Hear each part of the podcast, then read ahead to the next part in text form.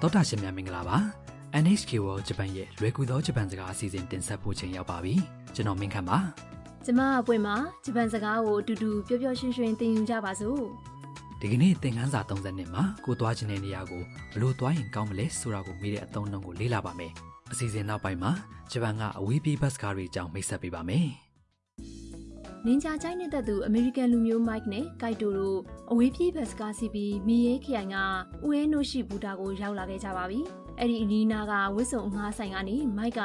နင်ဂျာဝစ်စုံကိုငှားဝစ်လိုက်ပြီးနင်ဂျာပြတိုက်စီကိုနှစ်ယောက်သားဦးတည်လိုက်ပါတယ်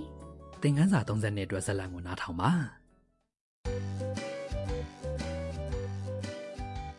マイク似合うねかっこいい嬉しいなあのすみません忍者博物館までどう行ったらいいですか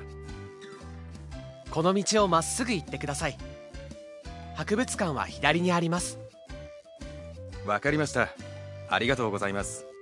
さあ行こう ဝါကြတစ်ကြောင်းချင်းကိုကြည့်ပါမယ် ကိုက်တိုကနင်ဂျာပုံစံဝတ်ထားတဲ့မိုက်ကိုချီးမွမ်းလိုက်ပါတယ် マイク似合うね မိုက်လိုက်တယ်နော် かっこいい ကြည့်လို့ကောင်းတယ် မိုက်ကပြန်ပြောပါတယ် 嬉しいな ဝမ်းသာလိုက်တာ အိမ်နောက်ဖြတ်သွားဖြတ်လာတစ်ယောက်ကိုမိုက်ကလှမ်းမိလိုက်ပါတယ် あのすみません ဒီမှာတစ်စိမ့်လောက်ခင်ဗျာ 忍者博物館までどう行ったらいいですか လင်ဂျာပြတိုက်ကိုဘလို့သွားရင်ကောင်းမလဲခင်ဗျာ အဲ့လူကပြန်ဖြေပါတယ် この道をまっすぐ行ってください ဒီလမ်းကိုတည့်တည့်သွားပါ 博物館は左にあります ပြတိုက်ကလက်ဝဲဘက်မှာရှိပါတယ် ။မိုက်ကပြန်ပြောပါတယ် わかりました နားလည်ပါပြီခင်ဗျ ありがとうございます ကျေးဇူးတင်ပါတယ် ။ဂိုက်တိုကမိုက်ကိုပြောလိုက်ပါတယ် さあ行こう ကဲသွားကြစို့ ။နင်ဂျာပြတိုက်ကတိမ်မွေးဘူးထင်တယ်နော် ဟုတ်တယ်အဲ့ဒီဦးဝဲနို့ရှိဘူတာကနေ10မိနစ်လောက်လမ်းလျှောက်ရင်ရောက်ပြီအဲ့ဒီတစ်ဝိုက်မှာလဲနင်ဂျာဝတ်ဆောင်ငှားတဲ့ဆိုင်တွေရှိတယ်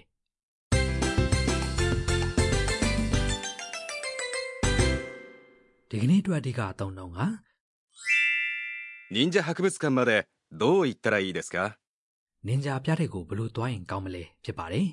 ဒီပုံစံကိုသိသွားပြီဆိုရင်ကိုသွားခြင်းတဲ့နေရာကိုဘလို့သွားရမလဲမေးတတ်သွားပြီဖြစ်ပါတယ်ကဲအတိတ်ဘယ်တွေကိုကြည့်ပါမယ် 忍者博物館 ဆိုတာနင်ဂျာပြလိုက်ပါ まで ဆိုတာကိုအထိလို့အဓိပ္ပာယ်ရပြီးရှေးရှုရာတွားရနေရာကိုဖော်ပြတဲ့ဝိပတ်ပါ どう言ったらいいですか ဆိုတာဘလို့တွားရင်ကောင်းမလဲဖြစ်ပါတယ်ဒီကနေ့အတွက်အဓိကအချက်ကတွားပုံတွားနေကိုမေးတဲ့အသုံးအနှုန်းပဲဖြစ်ပါတယ်တွားခြင်းတဲ့နေရာနာမည်မှာဝိပတ် まで ကိုပေါင်းပြီး どう言ったらいいですか နဲ့ဆက်ရပါမယ် 言ったら ဆိုတာကရိယာ 行く သွားတယ်ရေကန့်သက်ချက်အခြေအနေပြပုံစံဖြစ်ပေမဲ့ဒီနေရာမှာတော့ဒီအတိုင်းပဲမှတ်သားထားပါခင်ဗျာ ။သရရှင်တို့တစ်ခေါက်ပြန်နှောင်းထောက်ပြီးလိုက်ပြောကြည့်ပါ どう言ったらいいですか忍者博物館までどう言ったらいいですか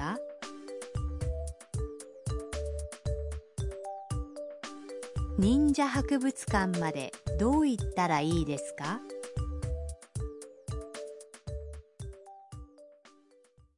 သရရှင်တို့လိုက်ပြောလို့ရကြတယ်နော် အခုတခါကီယိုတိုဘူရာရှိကဘတ်စကာမှတ်တိုင်မှာခီးသွားတစ်ယောက်ကသူ့သွားခြင်းတဲ့နေရာကိုဘယ်လို့သွားရမလဲမင်းနေတဲ့ဥပမာစကားပြောကိုနားထောင်ကြည့်ပါ あのすみません金閣寺までどう行ったらいいですか101番のバスに乗ってください အဓိပ္ပာယ်တွေကိုကြည့်ပါမယ် あのすみません ။ဒီမှာတစ်စိတ်လောက်ခင်ဗျာ ဒါကတစ်ဖက်လူရဲ့အာယုံစိုက်မှုကိုရယူဖို့အတွက်လှမ်းပြောတဲ့အသုံးအနှုန်းဖြစ်ပါတယ် 金閣寺までどう行ったらいいですか ။ခင်ကကူကြီးဖះเจ้าကိုဘယ်လို့သွားရင်ကောင်းမလဲခင်ဗျာ 金閣寺 ဆိုတာခင်းကခုကြီးဖះเจ้าသူ့သွားခြင်းတဲ့နေရာဖြစ်ပါတယ် 101番のバスに乗ってください ။ဘတ်စကားနံပါတ်101ကိုစီးပါ 101番 ဆိုတာနံပါတ်101バス ဆိုတာဘတ်စကာ 乗って ဆိုတာ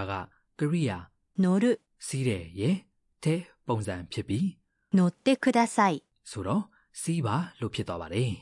ဟုတ်ကဲ့ပါသောရရှင်တို့ပြန်နှားထောင်ပြီးနောက်ကလိုက်ပြောကြည့်ပါဦး どう言ったらいいですか金閣寺までどう言ったらいいですかあのすみません金閣寺までどう言ったらいいですか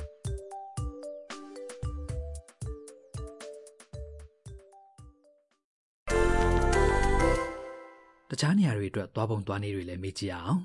တော်တာရှင်တို့ဟိုတယ်ကိုသွားဖို့လမ်းမသိဘူးဆိုပါစို့မိဘုံမှာညွှန်ပြရင်မေ့ကြည့်ကြရအောင်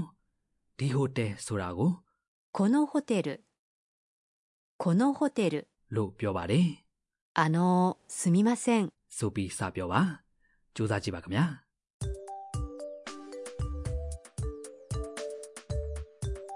あのすみませんこのホテルまでどう行ったらいいですか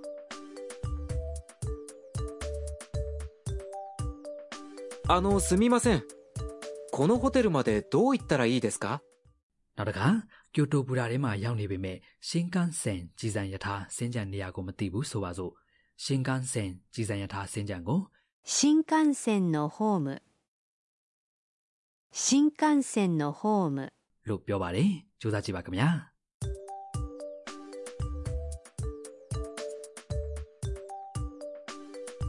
あのすみません新幹線のホームまでどう行ったらいいですか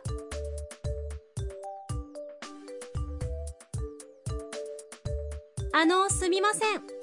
新幹線のホームまでどう行ったらいいですか သောရရှင်တို့ဘယ်လို့လဲပြောလို့ရကြတယ်ထင်တယ်နော် ဆက်ဆက်တိုးပွားစကားလုံးများကဏ္ဍပါဒီကနေ့တော့ဥတီယာလမ်းကြောင်းနဲ့ပတ်သက်တဲ့စကားလုံးတွေကိုလေ့လာပါမယ် ကဲစပါပြီညာဘက်ကို 右 ဘယ်ဘက်ကို 左 သောရရှင်တို့နားထောင်ပြီးနောက်ကလိုက်ပြောကြည့်ပါ 右左 နောက်တစ်ခုကတဲ့တဲ့ကို まっすぐ ကဲနားထောင်ပြီးလိုက်ပြောကြည့်ပါအောင် まっすぐ တဲ့တဲ့သွားပါဆိုတာက まっすぐ行ってください ဖြစ်ပါတယ်ညာဘက်ကိုရမယ်ဆိုရင်တော့ 曲がる ကိုရတယ်ဆိုတဲ့ကရိယာကိုတောင်းပြီး 右に曲がってください ညာဘက်ကို꿰ပါလို့ပြောရပါမယ်။ဒီကနေ့အတွက်ဇတ်လန်ကိုတစ်ခေါက်ပြန်နှားထောင်ကြရအောင်။မိုက်ကဘလို့သွားရမလဲလို့မေးနေတဲ့အပိုင်းကိုတေချာအာယုံစိုက်နှားထောင်ပါ マイク似合うねかっこいい嬉しいなあのすみません忍者博物館までどう行ったらいいですかこの道をまっすぐ行ってください博物館は左にありますわかりましたありがとうございますさあ行こう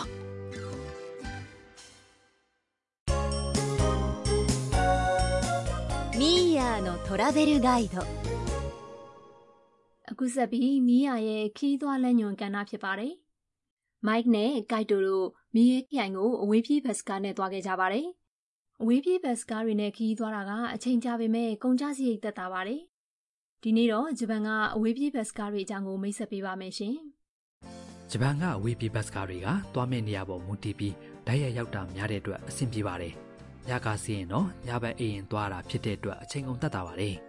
ဘယ်နေရာတွေကိုသွားလို့ရလဲ ။နေရာတော်တော်များများကိုသွားလို့ရပါတယ်။တိုကျိုကနေသွားမယ်ဆိုရင်နာဂိုယာ၊အိုဆာကာ၊ကျိုတိုစတဲ့မြို့ကြီးတွေကိုသွားတဲ့လမ်းကြောင်းတွေရှိပါတယ်။ Fuji Town, Hakone, Kusatsu Onsen, Yebusan စတဲ့အလဲပတ်နေရာတွေကိုဓာတ်ရိုက်သွားတဲ့လမ်းကြောင်းတွေလည်းရှိပါတယ်။ ဂျိုတင်လက်မှတ်ကိုဘယ်လိုဝယ်ရမလဲ အွန်လိုင်းကနေဝယ်လို့ရပါတယ်။ထိုင်ကုန်နံပါတ်ရွေးလို့ရတာတွေလည်းရှိပါတယ်။နောက်ပြီးဈေးပိုကြီးတဲ့ဇိမ်ခံဘတ်စကာမျိုးတွေလည်းရှိပါသေးတယ်။ဂျပန်မှာခီးထွက်ရင်တော့ဘတ်စကာလည်းရွေးစရာနည်းလမ်းတစ်ခုဖြစ်ပါတယ်ခင်ဗျာ